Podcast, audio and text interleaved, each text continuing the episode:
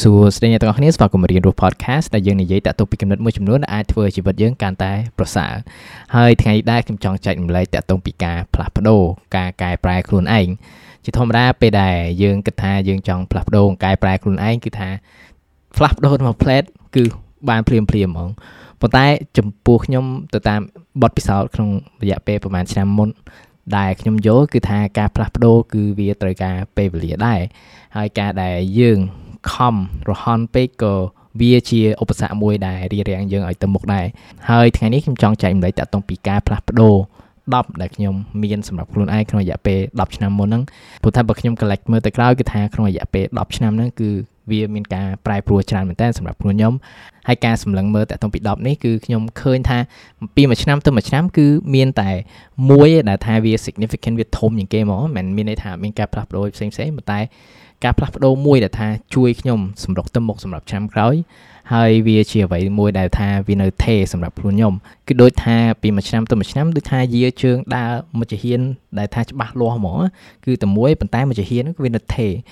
ដែលជាប់ដល់ថប់ថ្ងៃហ្នឹងហើយបើមើលចំណុចផ្ដើមនៃ10ឆ្នាំមុនគឺតាំងពីឆ្នាំ2013ហើយឆ្នាំ2013ហ្នឹងគឺខ្ញុំទៅតែរៀនបានសាកលវិទ្យាល័យឆ្នាំទី1បានប្រហែលខែអញ្ចឹងគឺថាវាជាចំណុចមួយដែលថាវាមានអ្វីថ្មីជាច្រើនព្រោះថាខ្ញុំអាយុ18ឆ្នាំហើយនៅសាកលវិទ្យាល័យការសិក្សាក៏វាខុសពីមុនហើយវាជាពេលមួយដែលថាខ្ញុំត្រូវចាប់ផ្ដើមគិតតាក់ទងពីអនាគតខ្លួនឯងខ្លាំងមែនតើអ្វីមួយដែលកើតឡើងក្នុងឆ្នាំ2013ដែលថាខ្ញុំ appreciate ជាងគេហ្នឹងគឺថាមានចំណុចមួយដែលខ្ញុំបានទៅធ្វើ exchange program មួយនៅប្រទេសចិនហើយ program ហ្នឹងរ៉ាន់ទៅដោយអង្គការយុវជនឯគឺវា មិនមែនទៅដោយរដ្ឋាភិបាលអីទេហើយដោយសារហេតុហ្នឹងទៅក៏វា low តាក់ទងពី funding ដែរហើយដោយសារវា low funding ហ្នឹងគឺថាវាក៏មិនមែនជាអ្វី fancy ដែរហើយដោយសារវាអត់ fancy ហ្នឹងក៏ខ្ញុំអាចមើលឃើញតាក់ទងពី reality នៅពិភពលោកខាងក្រៅដែរព្រោះនៅក្នុង exchange program ហ្នឹងដូចជា4 5អាទិត្យដែលថាខ្ញុំបានទៅហ្នឹងគឺថាខ្ញុំស្ម័គ្រចិត្តខ្លួនឯងធ្វើជាគ្រូបង្រៀនភាសាអង់គ្លេសហើយការដែលបង្រៀនហ្នឹងគឺថាមួយអាទិត្យមួយអាទិត្យគឺថាគេផ្លាស់ប្ដូរសាលារហូតដូចថាអាទិត្យមួយគឺថាខ្ញុំទៅតំបន់មួយដែលថា ខៃក្រមែនតើនៅស៊ឺជွန်នៅប្រទេសចិនហ្នឹងដែលប្រហែលអាទិត្យមុនតែខ្ញុំទៅដល់ហ្នឹងគឺថាមានការអញ្ជើញដីធំមែនតើដូចជាជិតដល់7.0ឬក៏7.0ហ្មងហើយដល់មួយអាទិត្យបន្ទាប់ទៀតគឺថាខ្ញុំទៅបង្រៀននៅកន្លែងដាច់ស្រយាលព្រៃភ្នំដែលថាសឹងអត់ទឹកមួយហ្មងថា4 5ថ្ងៃខ្ញុំបានមួយទឹកតែម្ដងអីចឹងហើយដោយសារហេតុហ្នឹងហើយគឺវាជាអ្វីមួយដែរធ្វើឲ្យខ្ញុំមើលឃើញពិភពលោក ខុសប្លែកពីមុនព្រោះពីមុនគឺថាខ្ញុំក៏ធ្លាប់ធ្វើជាការស្ម័គ្រចិត្តផ្សេងផ្សេងដែរប៉ុន្តែអត់ដែលដល់ទៅប្រទេសមួយផ្សេងឬក៏អត់ដែលឃើញតាក់ទងពីធាតុពិតនៃជីវិតហើយ experience អស់ហ្នឹងតែថាវាពិបាកយ៉ាងម៉េចពេលដែលអត់មានទឹកមួយវាពិបាកយ៉ាងម៉េចទៅថាពេលខ្លះពិបាករកអីញ៉ាំឬក៏វាពិបាកយ៉ាងម៉េចពេលដែលនៅកន្លែងមួយដែលថាយើងអត់ចេះនិយាយភាសាហ្នឹងហើយការស្ម័គ្រចិត្តហ្នឹងគឺថាមានជនជាតិបរទេសផ្សេងផ្សេងដែលមកពីប្រទេសផ្សេងផ្សេងហ្នឹងហើយដោយ experience នឹងមួយផ្ទាល់គឺថាវាធ្វើឲ្យខ្ញុំផ្លាស់ប្ដូរតាក់ទងពីការគិតតាក់ទងពីខ្លួនឯងមើលមកខ្លួនឯងដូចថាមាន confidence ជាងមុនព្រោះថាខ្ញុំបាន interact ជាមួយនឹងជនបរទេសផ្សេងៗអញ្ចឹងខ្ញុំគិតថាអូខ្ញុំ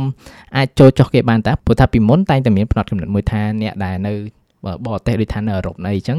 គឺគាត់នឹងតបកាយជាងយើងហើយព្រោះថាដោយសារអីគឺថាអាចសាលាល្អជាង system នៃការបង្រៀនល្អជាងអីចឹងប៉ុន្តែពេលដែលខ្ញុំទៅដល់ខ្ញុំបាន interact អីក៏ខ្ញុំឃើញដែរគឺថាអាមិនទៅខុសគ្នាអីហ្មងហ្នឹង of course គឺថាមានចំណុចមួយចំនួនដែលថាខុសប្លែកពីគ្នាប៉ុន្តែ ពេលដែលខ្ញុំមកពី reality នៅប្រទេសខ្មែរអញ្ចឹងទៅគឺថាខ្ញុំអាចឲ្យអ្វីមួយដែលថ្មីដែលថាពួកគាត់អាចឃើញអញ្ចឹងហើយ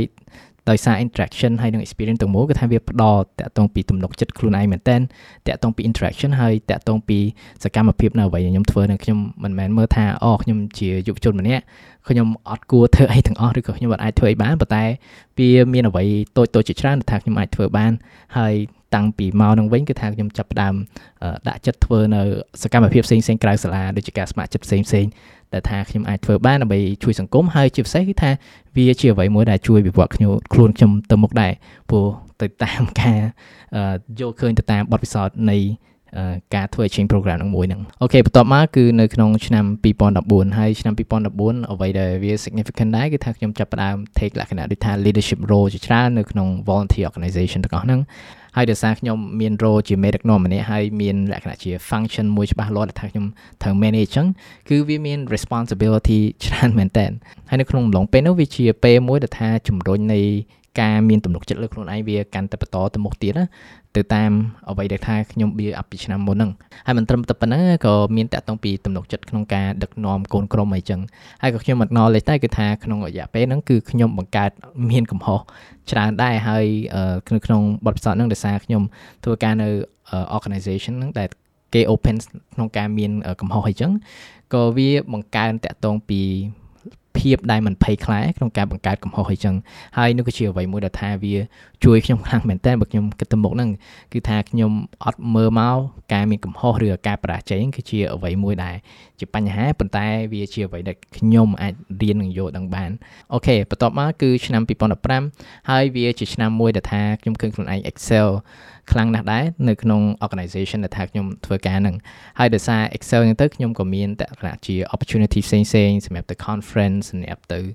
និយាយហើយសម្រាប់ step further នៅក្នុង leadership role អញ្ចឹងហើយវាជា opportunity ដែលថាវាជួយខ្ញុំក្នុងការលូតលាស់ខ្លាំងមែនតើហើយអ្វីដែលខ្ញុំឃើញខ្លួនឯងលូតលាស់ខ្លាំងច្រើនជាងមុនហ្នឹងគឺតាក់ទងពី facilitation គឺតាក់ទងពី public speaking ឯហ្នឹងព្រោះថាដល់ចំណុចនៃ role នៃការដឹកនាំមួយគឺថាវាតម្រូវឲ្យខ្ញុំវា facilitate តាក់ទងពី session រហូតដូចថាបង្កើតជា training ផ្សេងផ្សេងបង្កើតជា discussion ផ្សេងផ្សេងហើយទាំងអស់ហ្នឹងវាជា opportunity មួយដែលជួយខ្ញុំយកឈ្នះខ្លួនឯងពីភាពភ័យក្នុងការនិយាយជាមួយអ្នកដទៃហើយមិនត្រឹមតែប៉ុណ្្នឹងទេព្រោះថាបើយើងនិយាយតាក់ទងពី facilitation គឺថាការយើងនិយាយការយើង train គឺគឺវាត្រូវមាន structure ច្បាស់លាស់ទៅហើយវាជាអ្វីមួយដែលពង្រឹងការគិតរបស់ខ្ញុំពេលដែលខ្ញុំចង់ deliver message ជាមួយតើខ្ញុំត្រូវ separate វាយ៉ាងម៉េចត្រូវ structure វាយ៉ាងម៉េចហើយដល់សប្តាហ៍ថ្ងៃហ្នឹងគឺថាខ្ញុំនៅតែប្រើ skill ដែលខ្ញុំ learn ពីហ្នឹងដែរដូចឧទាហរណ៍ថាបើសិនបើខ្ញុំមានគំនិតមួយថាខ្ញុំ ចង់និយាយ content អីមួយគឺថាពេលដែលខ្ញុំគិតតាក់ទងពី content ហ្នឹងគឺថាវា automatic ហ្មងគឺថាអូខេខ្ញុំចាប់ផ្ដើមគិតតាក់ទងពី structure ខ្ញុំត្រូវ deliver យ៉ាងម៉េចយ៉ាងម៉េចយ៉ាងម៉េចតើ main idea អីគេតើចំណុចទី1ចំណុចទី2ចំណុចទី3វាយ៉ាងម៉េចហើយ example អីខ្លះថាខ្ញុំអាចនិយាយបាន គឺខ្ញុំនៅតែប្រើទាំងអស់ហ្នឹងហើយ skill ដែលថាខ្ញុំរៀនពីហ្នឹងវានៅតែបន្តឲ្យពង្រីក ហើយប្រហែលឆ្នាំក្រោយបន្ទាប់ពីហ្នឹងក៏ខ្ញុំមាន opportunity ដូចថាខ្ញុំត្រូវ deliver session នៅប្រទេសមួយផ្សេងហើយមិនត្រឹមតែទៅដើម្បី train គេគឺថាមាន conference មួយចំនួនដែលគេ invite ខ្ញុំទៅជា chair conference ហ្នឹងប្រហែលថ្ងៃជាប់គ្នាហ្មងវាដូចជា conference 5ថ្ងៃមួយនៅម៉ាឡេហើយ conference ប្រហែលថ្ងៃទៀតនៅកូរ៉េហើយមាន event ផ្សេងផ្សេងនៅប្រទេសផ្សេងផ្សេងទៀតដែលថាគេ invite ខ្ញុំទៅហ្នឹងហើយនេះគឺជាអ្វីមួយដែលវាជួយខ្ញុំមែនតើហើយបន្ទាប់មកគឺនៅក្នុងឆ្នាំ2016គឺជាឆ្នាំមួយដែលខ្ញុំសប្បាយចិត្តមែនទែនថាខ្ញុំបានរៀនចប់ព្រោះថាមុំទៅចប់ហ្នឹងគឺថាសឹងប៊ីធ្លាក់ដែរអញ្ចឹងណាហើយមុំឃើញលទ្ធផលចប់អូខេ ល្អមែនតើហើយត្រូវរកការងារហើយនៅក្នុងឆ្នាំហ្នឹងគឺខ្ញុំ apply ទៅ international role នៃ organization ដែលខ្ញុំ volunteer ហ្នឹងដើម្បីធ្វើលក្ខណៈជា full time ហ្មងហើយខ្ញុំជាប់ជា national director នៅ chapter គេនៅប្រទេសថៃហើយក្នុងពេលមួយឆ្នាំដែលខ្ញុំរស់នៅប្រទេសថៃហ្នឹងគឺនៅក្នុងឆ្នាំ2016ហ្នឹងវាជាពេលមួយដែលវាជំរុញតាក់ទងពីផ្លូវចិត្តខ្ញុំដែរក្នុងការមានភាពឯករាជ្យឬក៏ independent ពីខ្លួនឯងហ្នឹងព្រោះថាការដែលខ្ញុំចេញទៅនៅក្រៅពីគ្រួសារអញ្ចឹងគឺថាខ្ញុំត្រូវតែពឹងពាក់ខ្លួនឯងហីហើយទាំងអស់ហ្នឹងវាថាវាជំរុញតាក់ទងពីទំនួលខុសត្រូវខ្ញុំជាច្រើនមែនតើហើយមិនត្រឹមតែប៉ុណ្្នឹងគឺថាខ្ញុំក៏មិនចេះភាសាថៃដែរហើយវាជាពេលមួយដែលថាយេវាជួយពង្រឹងខ្លួនខ្ញុំដែរនៅក្នុងរស់នៅក្នុងប្រទេសមួយដែលខ្ញុំអត់និយាយភាសាហ្នឹងហើយដល់ពេលដែលថាខ្ញុំត្រូវទៅប្រទេសណាមួយក្នុងរយៈពេលប្រហែលឆ្នាំក្រោយហ្នឹងគឺថាវាអត់មានភាពពិបាកសម្រាប់ខ្ញុំទេហើយទាំងអស់ហ្នឹងក៏វាជំរុញនិងពង្រឹងខ្លួនខ្ញុំឲ្យរឹងមាំផងដែរព្រោះថាការដែលខ្ញុំនៅប្រទេសមួយផ្សេងអញ្ចឹងទៅគឺថាខ្ញុំ គិតមកគឺថាវាអាចមានបញ្ហាច្រើនហើយការដែលមានបញ្ហាហ្នឹងគឺថាខ្ញុំត្រូវរៀនដោះស្រាយខ្លួនឯងហើយខ្ញុំគិតថាវាជាអ្វីមួយដែលជួយមែនតើថាយើងមានបទសោតរស់នៅក្រៅពីគ្រួសារព្រោះថាវាបង្ហាញនៃការធំធាត់របស់យើង ការចេះមានទំនួលខុសត្រូវរបស់ខ្លួនឯងដែរតែវាមិន perfect ទេហ្នឹងវាទៅតាមវិន័យខ្លួនរបស់យើងដែរព្រោះថាអ្វីមួយដែលថាខ្ញុំ notice នៅឆ្នាំ 2016 2017ដែលថាខ្ញុំរស់នៅនៅប្រទេសថៃហ្នឹងគឺដោយសាររស់នៅតែខ្លួនឯងអូខេមកហូបញ៉ាំអីចឹងទៅវាថាវាងាយស្រួលហ្មងអឺ 7-Eleven ចិត្តនឹងទៅដែរក៏មាន 7-Eleven នៅបាងកកអីចឹងហើយខ្ញុំចេះតែញ៉ាំអាហារទាំងអស់ហ្នឹងហើយសុខភាពក៏មិនល្អឡើងគីឡូច្រើនមែនតើហើយដោយសារឃើញបែបនោះហើយក៏ខ្ញុំមើលវាឃើញជាមេរៀនមួយហើយក៏ខ្ញុំ work ទៅលើតាក់ទងពីបញ្ហាហូបចុកថ្ងៃក្រោយអញ្ចឹងខ្ញុំនឹងនិយាយបន្តទៀតដែល ពេលមួយដែលថាខ្ញុំ realize អូខេចូលទៅបន្ទាប់គឺឆ្នាំ2017ហើយឆ្នាំ2017នេះគឺថា role ខ្ញុំគឺត្រូវមកខ្មែរវិញហើយខ្ញុំត្រូវ manage national office នឹងជា country director ហ្មងហើយវាជាឆ្នាំមួយដែលថាវា challenging សម្រាប់ខ្ញុំមែនតើព្រោះថាយើងត្រូវ like ធ្វើជា country director វាសឹងតែលក្ខណៈដូចថា CEO មួយនៃ company មួយអញ្ចឹងណាហើយពេលដែលខ្ញុំ take over ហ្នឹងក៏មានបញ្ហាជាច្រើនដែលថាខ្ញុំចង់ដោះស្រាយខ្ញុំចង់ fix ខ្ញុំចង់ improve អីចឹងហើយវាក៏មានបង្កើតជា pressure ជាច្រើនដែរហើយនៅក្នុង team ខ្ញុំដែលខ្ញុំ recruit មកហ្នឹងមានគ្នា4នាក់បន្ថែមទៀតហើយ4នាក់ហ្នឹងគឺថាមកពីប្រទេសផ្សេងផ្សេងគ្នាទាំងអស់អញ្ចឹងវាជាពេលមួយដែលថាខ្ញុំ realize គឺថាខ្ញុំត្រូវបង្រៀនខ្លួនឯងខ្ញុំត្រូវវឹកហាត់ខ្លួនឯងព្រោះថាបើខ្ញុំអត់វឹកហាត់ខ្លួនឯងទេគឺថាខ្ញុំនឹងធ្វើការខ្លួនឯងល្អហើយខ្ញុំនឹងអត់ដឹកនាំគេកាន់តែល្អដែរ ព្រោះថាការដែលយើងដឹកនាំអ្នកដតីវាតម្រូវថាយើងចេះគ្រប់គ្រងខ្លួនឯងសិនហើយមិនត្រឹមតែប៉ុណ្្នឹងទេគឺថានៅក្នុងក្រុមការងាររបស់យើងគាត់ក៏វិវត្តទៅមុខដែរហើយបើយើងជាមេដឹកនាំយើងអត់វិវត្តទៅមុខក៏វាពិបាកដែរហើយវាជាពេលមួយដែលថាជំរុញខ្ញុំចាប់ផ្ដើម commit តាក់ទងពីការអានហ្នឹងហើយឆ្នាំ2017ហ្នឹងគឺដូចជាចុងឆ្នាំគឺថាខ្ញុំចាប់ផ្ដើមអានហើយវាជាពេលមួយដែលថាពេលខ្ញុំអានចាប់ផ្ដើមឃើញលទ្ធផលខ្ញុំចាប់ផ្ដើមចូលចិត្តអានមែនតើព្រោះពីមុនខ្ញុំអត់ដែរ សឹងតែអត់ដែរអានហ្មងព្រោះថាវាជា activity មួយដែលថាខ្ញុំគិតថាវាធុញហើយការដែលខ្ញុំនៅរៀនក៏ខ្ញុំអត់ចូលចិត្តរៀននៅសាលាអញ្ចឹងហើយខ្ញុំគិតថាអូបើយើងអានសភៅវាដូចតែទៅរៀនហ្នឹងអញ្ចឹងខ្ញុំអត់ចូលចិត្តប៉ុន្តែពេលហ្នឹងគឺថាពេលដែលខ្ញុំចាប់ផ្ដើមអានខ្ញុំចាប់ផ្ដើមឃើញលទ្ធផលហ្នឹងហើយខ្ញុំចាប់ផ្ដើមឃើញថាអូខ្ញុំអាចអានបានតើពេលនោះហើយក៏ខ្ញុំចាប់ផ្ដើម dedicate ខ្លួនឯងក្នុងការអានបន្តទៅមុខហ្នឹងគឺថាក្នុងរយៈពេលមួយឆ្នាំពីពេលខ្ញុំចាប់ផ្ដើមហ្នឹង ពីអ្នកដែលសឹងតែអត់អានមួយក្បាលហ្មងមួយឆ្នាំហ្នឹងទៅជាអ្នកដែលអានចិត្ត100ក្បាលក្នុងរយៈពេលមួយឆ្នាំហ្នឹងហើយនេះគឺជាអ្វីមួយដែលថាខ្ញុំនៅតែ carry on នៅដល់សប្តាហ៍ហ្នឹងនៅរៀននៅអ្វីថ្មីថ្មីដើម្បីជួយក្នុងជីវិតរបស់ខ្ញុំជួយតាក់ទងពីការងារដែលខ្ញុំធ្វើចាប់ពីឆ្នាំ2017ចូលទៅឆ្នាំ2018 វាជាពេលមួយដែលថាខ្ញុំចាប់ផ្ដើមអានបានច្រើនហើយហើយពេលដែលខ្ញុំបានអានបានច្រើនហ្នឹងគឺថាខ្ញុំឃើញតាក់ទងពីអ្វីដែលថាខ្ញុំចូលចិត្តគឺខ្ញុំចាប់ផ្ដើមដាក់ខ្លួនឯងរៀនតាក់ទងពីទស្សនវិជ្ជាមែនតើហើយជាពិសេសគឺថាមានទស្សនវិជ្ជាមួយដែលថាខ្ញុំចំណាយពេលច្រើនមែនតើក្នុងការសិក្សាទៅលើអានទៅលើហើយនឹងអនុវត្តហ្នឹងគេហៅថា Stoicism Stoicism ហ្នឹងគឺជាទស្សនវិជ្ជាមួយដែលបានបង្កើតឡើងនៅចក្រភពក្រិច2000ជាងឆ្នាំមុននេះហ្នឹងហើយគេយកមកដើម្បី អភិវឌ្ឍលើខ្លួនឯងដើម្បីคลายខ្លួនជាមនុស្សម្នាក់ដែលល្អហើយធ្វើយ៉ាងម៉េចដើម្បីឲ្យមានចិត្តរឹងមាំហ្នឹងហើយនេះគឺជាអ្វីមួយដែលថាខ្ញុំចាប់ផ្ដើមសិក្សាយល់ដឹងហើយវិវត្តទៅលើហើយវាជាពេលមួយដែលខ្ញុំអនុវត្តតាក់ទងពីភាពធន់និងភាពរឹងមាំតាក់ទងពីផ្លូវចិត្តខ្ញុំមែនតើតាក់ទងពី stoicism ហ្នឹងក៏ខ្ញុំធ្លាប់បង្កើតជាលក្ខណៈ content ផ្សេងៗដែរហើយខ្ញុំក៏ look up into sharing នៅពេលអនាគតផងដែរអញ្ចឹងណាប៉ុន្តែដោយសារខ្ញុំ practice ទាំងអស់ហ្នឹងគឺថាវា ធ្វើឲ្យខ្ញុំមានលក្ខណៈដូចថាស្ងប់មែនតើណាហើយពេលដែលខ្ញុំជួបនៅបញ្ហានៅខាងមុខអីចឹងគឺថាខ្ញុំអត់ស្លន់ខ្ញុំអត់ភ័យខ្ញុំអត់អីចឹងហើយមិនត្រឹមតែប៉ុណ្្នឹងវាក៏ជំរុញតាក់ទងពីគុណតម្លៃនៃអ្វីដែលថាខ្ញុំឲ្យតម្លៃទៅលើដើម្បីធ្វើយ៉ាងម៉េចឲ្យខ្លាយជាមនុស្សម្នាក់ដែលល្អចឹងទៅហើយវាជាអ្វីមួយដែលថាខ្ញុំនៅតែអនុវត្តហើយមើលមកខ្លួនឯងថាតើចំណុចណាខ្លះដែលខ្ញុំខ្វះខាតដែលខ្ញុំគួរអភិវឌ្ឍទៅលើហើយ យ៉ាខ្ញុំគិតថាវាជាអ្វីមួយដែលថាជួយខ្ញុំមែនតើជាពិសេសតាក់ទងពីការ overcome នៅលើឧបសគ្គផ្សេងៗដែរខ្ញុំនឹងជួបបន្តទៅមុខទៀតហ្នឹងហើយពាក់កណ្ដាលឆ្នាំ2018ហ្នឹងវាជាពេលមួយដែលគេប្រមូលខ្ញុំឡើងបន្តទៀតទៅក្នុង Asia Pacific Regional Office ហ្មង ហើយនៅពេលហ្នឹងវាជាពេលមួយដែលថាខ្ញុំត្រូវ move ទៅ Manila ទីក្រុងមួយនៅហ្វីលីពីនហ្នឹងអញ្ចឹងវាជាពេលមួយទៀតដែលថាខ្ញុំចាប់ផ្ដើមចេញពីគ្រួសាររបស់ខ្ញុំទៅរស់នៅក្នុងប្រទេសផ្សេងហ្នឹងហើយពេលនោះហើយក៏ខ្ញុំចាប់ផ្ដើមមើលតាក់ទងពីភាពខ្វះខាតដែលខ្ញុំមានពេលដែលខ្ញុំរស់នៅខ្លួនឯងនៅប្រទេសថៃនេះយកមកវិវត្តនៅ ការរស់នៅរបស់ខ្ញុំនៅទីក្រុងមនីឡាហ្នឹងហើយភាពផ្លាស់ប្ដូរមួយដែលថាខ្ញុំឃើញចាប់ផ្ដើមពីដើមឆ្នាំ2019ណាគឺភាពផ្លាស់ប្ដូរតាក់ទងពីការហូបចុកហើយនឹងការយល់ដឹងនឹងការស្គាល់តាក់ទងពីអ្វីដែលថាខ្ញុំគួរញ៉ាំហើយមិនគួរញ៉ាំព្រោះថានៅទីក្រុងមនីឡាហ្នឹងគឺថាក៏មាន fast food ច្រើនមែនតើហើយវាងាយស្រួលក្នុងការទិញម្ហូបទាំងអស់ហ្នឹងហើយដោយសារពេលនោះហើយគឺថាខ្ញុំអត់ចង់ធ្វើខ្លួនដូចជាការដូចមុនអញ្ចឹង ក៏ខ្ញុំចាប់ផ្ដើមសិក្សាតាក់ទងពីម្ហូបតើម្ហូបណាដែលថាខ្ញុំគួរញ៉ាំគួរញ៉ាំតើបន្លែណាល្អបន្លែណាមិនល្អតើការហូបចុកខ្ញុំវាត្រូវធ្វើយ៉ាងម៉េចតើខ្លាញ់ហ្នឹងវាយ៉ាងម៉េចតើស្ករហ្នឹងវាយ៉ាងម៉េចហើយវាជាពេលមួយដែលថាខ្ញុំចាប់ផ្ដើមសិក្សាតាក់ទងពី fasting ហើយជាមួយនឹង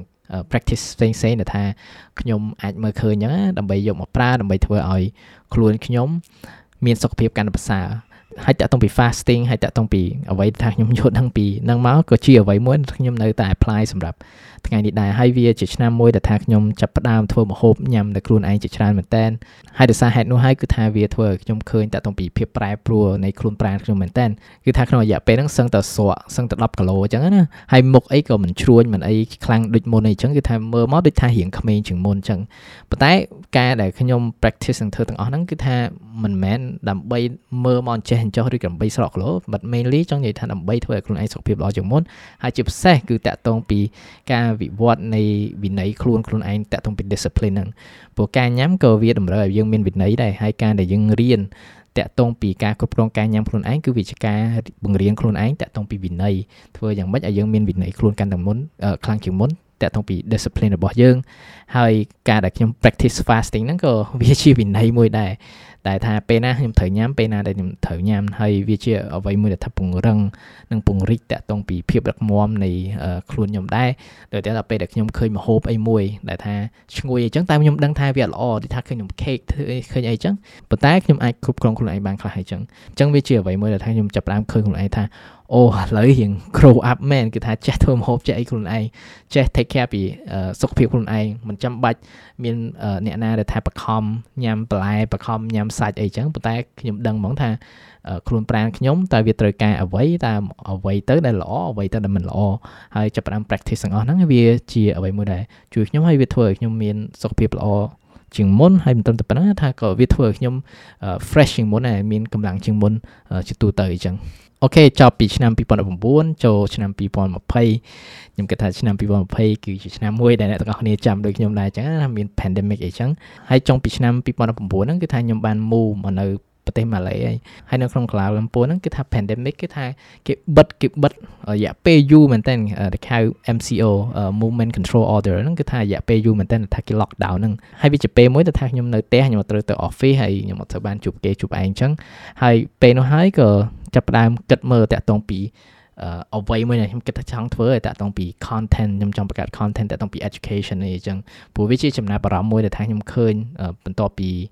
ខ្ញុំចាប់ផ្ដើមអានអីចឹងខ្ញុំឃើញថា អូខ្ញុំគួរតែចែករំលែកតាក់ទងពីវិធីដែលខ្ញុំរៀនអីចឹងព្រោះថាប្រហែលជាវាជាអ្វីមួយដែលមានប្រយោជន៍សម្រាប់អ្នកតីហើយជាពិសេសគឺតាក់ទងពីបទពិសោធន៍ជីវិតផ្សេងផ្សេងទៅតាមអ្វីដែលថាខ្ញុំបានឆ្លងកាត់ហ្នឹងហើយដល់ហេតុនោះហើយក៏ខ្ញុំចាប់ផ្ដើមបង្កើត Facebook page ហើយចាប់ផ្ដើមបង្កើត content បង្កើតវីដេអូផ្សេងផ្សេងអីចឹងពេលហ្នឹងគឺមិនមែនតន់ជា form នៃ podcast ទេប៉ុន្តែខ្ញុំចាប់ផ្ដើមបង្កើតចឹងហើយវាជាអ្វីមួយដែលថាចំណាយពេលគិត ហើយនឹងត្រៀមចិត្តយូរមុំហ៊ានបង្កើតព្រោះដោយសារអីចេះតែខ្លាចចេះតែអីគេគិតចេះគេគិតចោះអីចឹងប៉ុន្តែដោយសារមានការជំរុញពីមិត្តភ័ក្តិជិតស្និទ្ធមួយចំនួនហើយការដែលឃើញខ្លួនឯងចង់អីចឹងហើយមាន inspiration ផ្សេងផ្សេងពីអ្នកដតីដែលថាខ្ញុំចង់និយាយថាជំរុញខ្ញុំក្នុងការធ្វើវាអញ្ចឹងខ្ញុំក៏បានចាប់ផ្ដើមពីពាក់កណ្ដាលឆ្នាំ2020ហ្នឹងហើយភាពផ្លាស់ប្ដូរនេះគឺថាវាបង្កើតតាក់ទងពីការងារថ្មីសម្រាប់ខ្លួនឯងអញ្ចឹងណាគឺថា អូខេត្រូវចំណាយពេលបង្កើតជា content បង្កើតជាអីត្រូវគិតត្រូវថតត្រូវអីចឹងហើយខ្ញុំគិតថាការថតក៏វាមិនមែនជាជំនាញមួយដែលថាខ្ញុំ interested ទៅលើខ្លាំងណាស់ដែរដូចឧទាហរណ៍ថាបើសិនម្នាក់ទាំងអស់គ្នាធ្លាប់មើលលក្ខណៈជា podcast ឬក៏ video ខ្ញុំធ្វើគឺថាវាសាមញ្ញមែនតើគឺខ្ញុំ មិន passionate ទៅលើហ្នឹងប៉ុន្តែខ្ញុំចាប់ផ្ដើមដូចថា get in touch តាក់ទងពី creativity ខ្លួនឯងតាក់ទងពីការគិតខ្លួនឯងតាក់ទងពី content ណាខ្លះដែលថាខ្ញុំអាចចែកម្លែកបានហើយវាធ្វើឲ្យការគិតរបស់ខ្ញុំស៊ីជម្រៅដែរហើយទាំងអស់ហ្នឹងគឺវាជាអ្វីមួយដែលជំរុញតាក់ទងពីការបង្កើតនៅទម្លាប់នៃការបង្កើតហ្នឹងព្រោះថានេះទៅតាម series មួយដែលនិយាយដោយ Stephen Pressfield ណានៅសភៅគាត់ The Wall of Art គាត់ធ្លាប់និយាយថាថាការដែលយើងចង់បង្កើតអីមួយដែលចេញពីភាពច្នៃប្រឌិតរបស់យើងគឺថាយើងតែងតែទប់ខ្លួនឯងឬក៏ទាញខ្លួនឯងអត់ឲ្យទៅមុខវាមានលក្ខណៈដូចជា resistant អញ្ចឹងណាដែលខ្លួនយើងគឺជាសត្រូវក្នុងការរៀបរៀងខ្លួនយើងក្នុងការបង្កើតទាំងអស់ហ្នឹងដោយសារអីដោយសារយើងមានភាពភ័យខ្លាចថាអូគេគិតយ៉ាងម៉េចឬយ៉ាងម៉េចហើយការដែលខ្ញុំចំណាយពេលរៀននឹងយកដឹងពី Stephen Pressfield ទៅតាម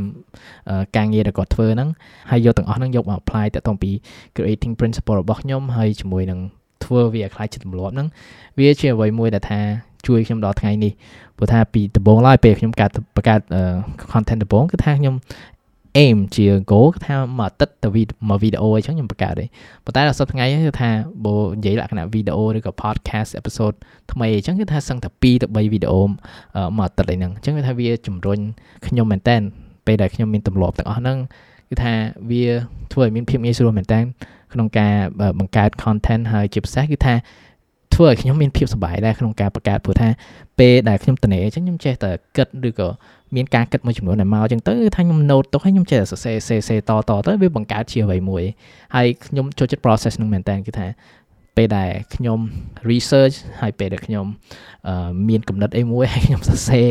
តាក់ទងពីកំណត់ហើយខ្ញុំចូលចិត្ត process ហ្នឹងតាក់ទងពីថតតាក់ទងពីកាត់តវាមិនមែនអ្វីមួយថាខ្ញុំចូលចិត្តទេប៉ុន្តែ overall គឺថាខ្ញុំនៅតែ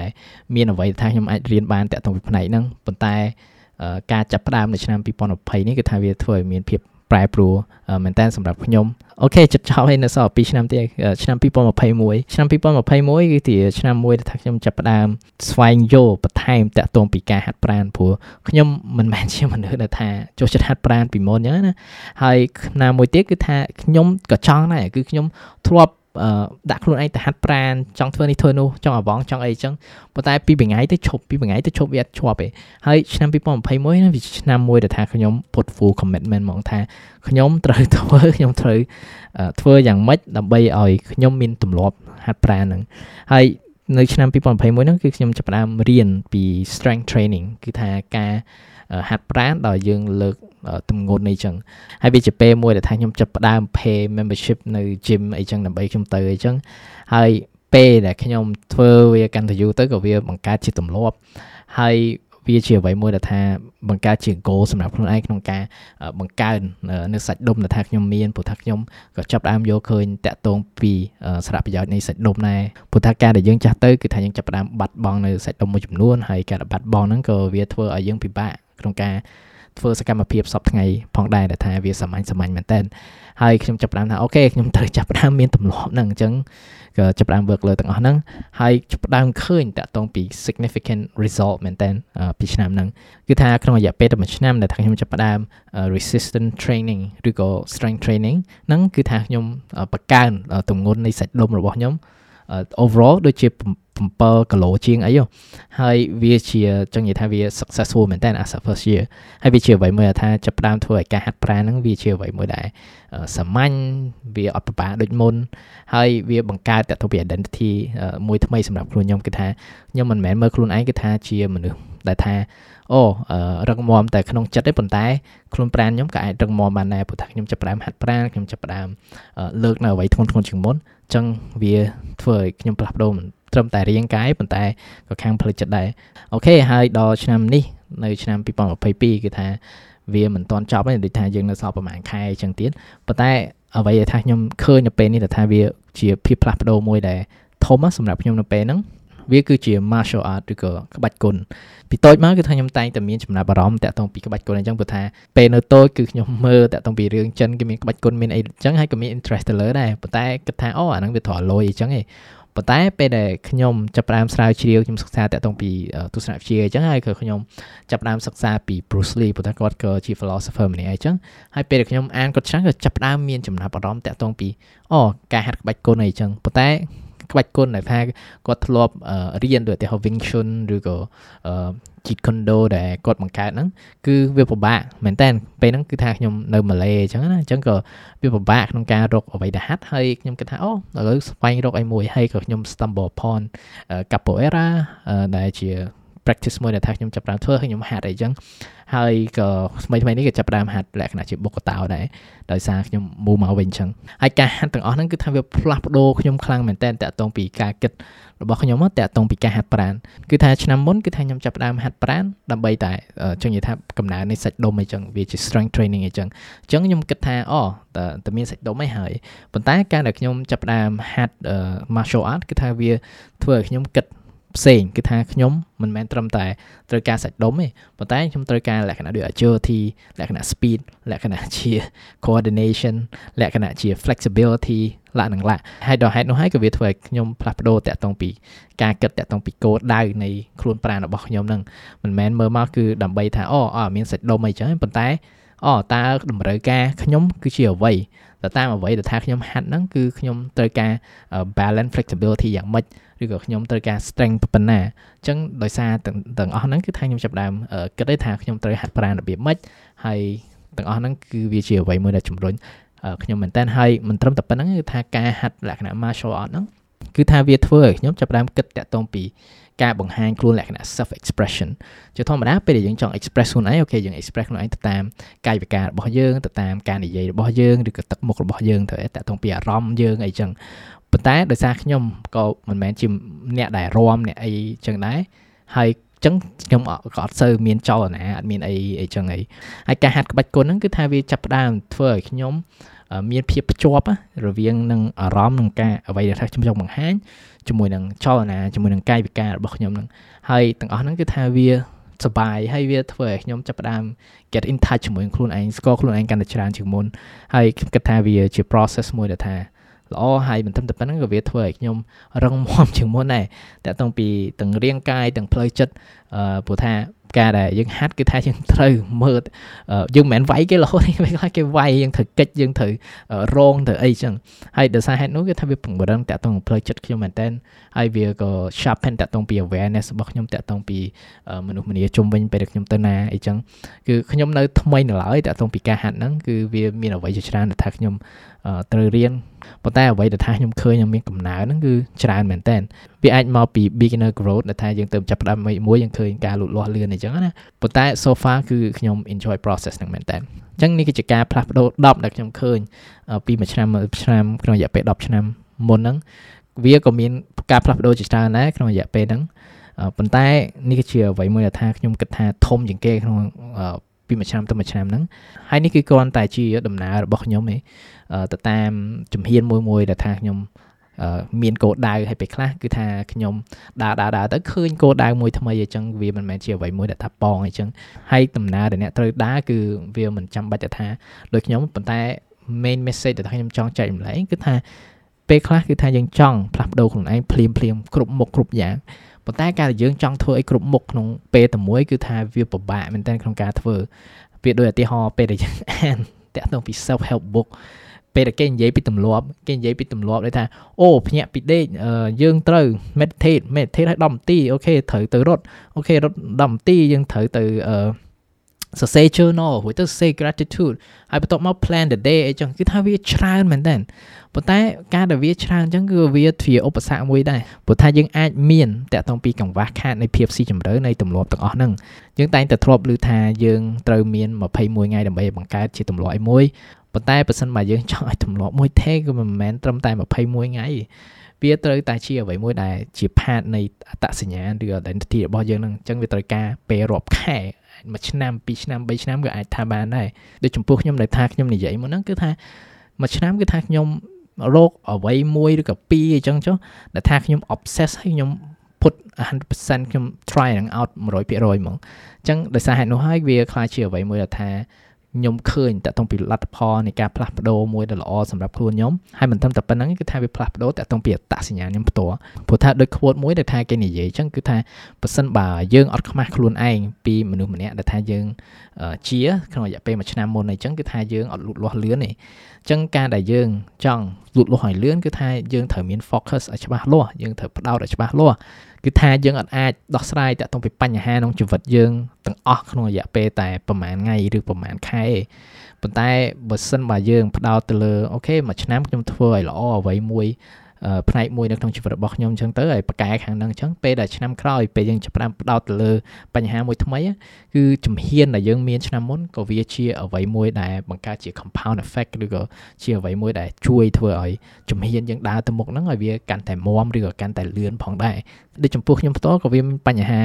ជាច្រើនទៀតដែរដែលថាខ្ញុំចង់ដោះស្រាយហើយក៏មានទម្លាប់ផ្សេងៗទៀតដែរដូចជាការសមាធិអីចឹងដែលថាខ្ញុំចង់ប្រកែព្រោះថាទាំងអស់ហ្នឹងគឺថាខ្ញុំ ធ្វើខ្ញុំធ្លាប់ធ្វើវាប៉ុន្តែវាមិនមែនជាអ្វីមួយថាខ្ញុំចេះស៊ីជម្រៅប៉ុន្តែខ្ញុំអត់អាចធ្វើនៅអ្វីរាប់រយមុខក្នុងពេលតែមួយអញ្ចឹងខ្ញុំត្រូវតែ prioritize អញ្ចឹងជំហានគឺមួយមួយសិនមកព្រោះថាយើងមើលមកពេលខ្លះគឺថាមួយជំហានវាអាចតិចមែនប៉ុន្តែបើសិនបើមួយជំហាននឹងវាថេពីមួយឆ្នាំទៅមួយឆ្នាំគឺថាយើងនៅតែដើរទៅមួយជំហានមួយជំហានទៀតគឺថាវាច្រើនណាអានេះបើសិនខ្ញុំ collect មើលក្នុងរយៈពេល10ឆ្នាំហ្នឹងខ្ញុំមើលមកខ្លួនឯងអូ តាមពិតខ្ញុំដើរពីមួយជាហ៊ានមួយជាហ៊ានអញ្ចឹងរហូតគឺថាវាជាអ្វីមួយដែលថាវាល្អខ្ញុំអត់បង្កើត10 20ទលាប់នៅក្នុងមួយឆ្នាំមែនប៉ុន្តែក្នុងរយៈពេល10ឆ្នាំហ្នឹងគឺថាវាមានអ្វីដែលថាខ្ញុំចាប់ផ្ដើមឃើញមានការផ្លែប្រែប្រួលដែលថាវាជួយខ្ញុំពីមួយឆ្នាំទៅមួយឆ្នាំដែលថាវាបន្តទៅមុខទៀតដែលវាជួយខ្ញុំឲ្យមកដល់ថ្ងៃនេះហ្នឹងអញ្ចឹងគឺថាជំហានមួយមួយប៉ុន្តែមួយមួយឲ្យជាប់គឺវាប្រសើរជាង ដើរម្ដង10ជំហានហើយឈប់ដើរបើ8ឆ្នាំទៀតឬក៏ជប់ដើរប្រហែលខែអញ្ចឹងអញ្ចឹងពេលខ្លះការដែលយឺតប៉ុន្តែវាមានភាពជាប់លាត់ក៏វាបង្កើតនៅការវិវត្តដែលធំពេលដែលយើងបន្តទៅមុខរហូតក្នុងរយៈពេលវែងអញ្ចឹងហើយមួយទៀតគឺថាមួយឆ្នាំវាអាចលឿនប៉ុន្តែមួយឆ្នាំគឺក៏មិនលឿនដែរគឺវាមានរយៈពេលច្រើនមែនតើថា យើងអាចយកមកប្រើដើម្បីលូតលាស់ខ្លួនឯងប៉ះសិនបើមួយ ឆ្នាំហ្នឹងគឺថាតែមួយថ្ងៃយើងចំណាយពេលតែ10នាទីឬក៏30នាទីឬ1ម៉ោងពីមួយថ្ងៃទៅមួយថ្ងៃគឺថាច្រើនណាស់ថាយើងអាចវិវត្តតាក់ទងពីជំនាញឯមួយអញ្ចឹងយើងចាប់ផ្ដើម conscious តាក់ទងពីការវិវត្តរបស់យើងតើអ្វីទៅដែលថាយើងឲ្យតម្លៃនិង priority នៅឆ្នាំនេះដែលយើង commit ដើម្បីធ្វើឲ្យខ្លួនយើងក្លាយជាមនុស្សម្នាក់ដែលកាន់តែប្រសើរអញ្ចឹងផ្ដោតទៅលើមួយជាហ៊ានមួយជាហ៊ានព្រោះថាបើយើងដើរមួយជំហានយើងអត់មើលយើងឈរឡើងណាពេលខ្លះ ធ្លាក់ក្លុកអីត្រូវហ៎យើងអត់អាចថាយើងដើរទៅមុខចឹងទៅយើងមើលទៅលើចេះគឺគ្រោះថ្នាក់អីត្រូវហ៎យើងត្រូវមើលនៅមុខយើងយើងត្រូវមើលខាងក្រោមយើងជន់អីអញ្ចឹងមួយជំហានហ្នឹងយើងដើរយើងចាប់ផ្ដើមមើលច្បាស់ក្នុងរយៈពេលមួយឆ្នាំមួយឆ្នាំឆ្នាំហ្នឹងអញ្ចឹងពេលដែលពេលបន្តទៅមុខទៀតប្រហែលឆ្នាំក្រោយអ្នកទាំងអស់គ្នានឹងឃើញភាពផ្លាស់ប្ដូរច្រើនមែនតើអញ្ចឹងនេះជាការចែកម្លែកផ្ទាល់ខ្លួនតាក់ទងពីអ្វីដែលខ្ញុំឃើញតាក់ទងពីការប្រែប្រួលភាពផ្លាស់ប្ដូរនៅក្នុងជីវិតខ្ញុំរយៈពេល 10ឆ្នាំហ្នឹងខ្ញុំសង្ឃឹមថាវាបង្ហាញតាក់ទងពី idea ផ្សេងផ្សេងទៀតដែលថាអ្នកទាំងអស់គ្នាអាចយកមកដើម្បីគិតគូរតាក់ទងពីជីវិតរបស់យើងជាពិសេសធ្វើឲ្យជីវិតយើងឲ្យកាន់ប្រសើរហ្នឹងអញ្ចឹងអរគុណមែនតើក្នុងការស្ដាប់អេពីសូតនេះបើសិនបើអ្នកទាំងអស់គ្នាចូលចិត្តស្ដាប់រៀនរស់ podcast អ្នកទាំងអស់គ្នាអាច support រៀនរស់ podcast នៅក្នុង Patreon community របស់ខ្ញុំនៅក្នុង www.patreon.com/manipatili អញ្ចឹងអរគុណមែនតើក្នុងការ support ទាំងអស់ព្រោះថាការ support នៅក្នុង Patreon នេះក៏វាជាអ្វីមួយដែលជំរុញរៀនរស់ podcast ក្នុងការបន្តទៅមុខផងដែរអញ្ចឹងអរគុណអ្នកទាំងអស់គ្នាមែនតើក្នុងការស្ដាប់ episode នេះអញ្ចឹងចាំជួបគ្នាថ្ងៃក្រោយក្នុងអំឡុងពេលនេះអភិវឌ្ឍខ្លួនជានិច្ច